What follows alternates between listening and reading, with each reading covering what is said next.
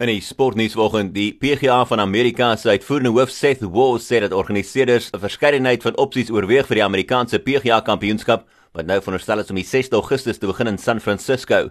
Walls sê die eerste opsie sal wees om die toernooi soos geskeduleer te speel.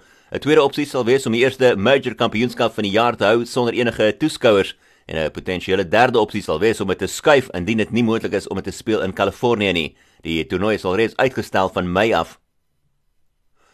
Die 22-jarige Cape Cobras kolber Karl Verreine was vir die eerste keer opgeroep in die Proteas groep vir die eendagreeks teen Engeland in Februarie, maar hy het toe nie enige wedstryd gespeel nie.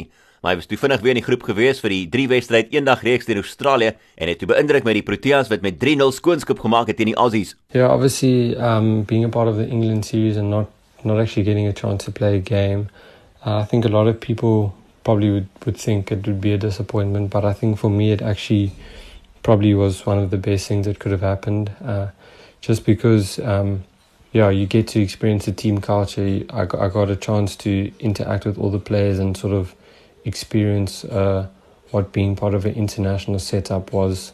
Uh, train with the guys and you sort of understand the, the level of intensity that is required at that level. And I think having the few weeks with, with the team, not playing but being able to learn all those things and pick up on all those things that when I did get an opportunity to play against Australia, I felt that much more prepared.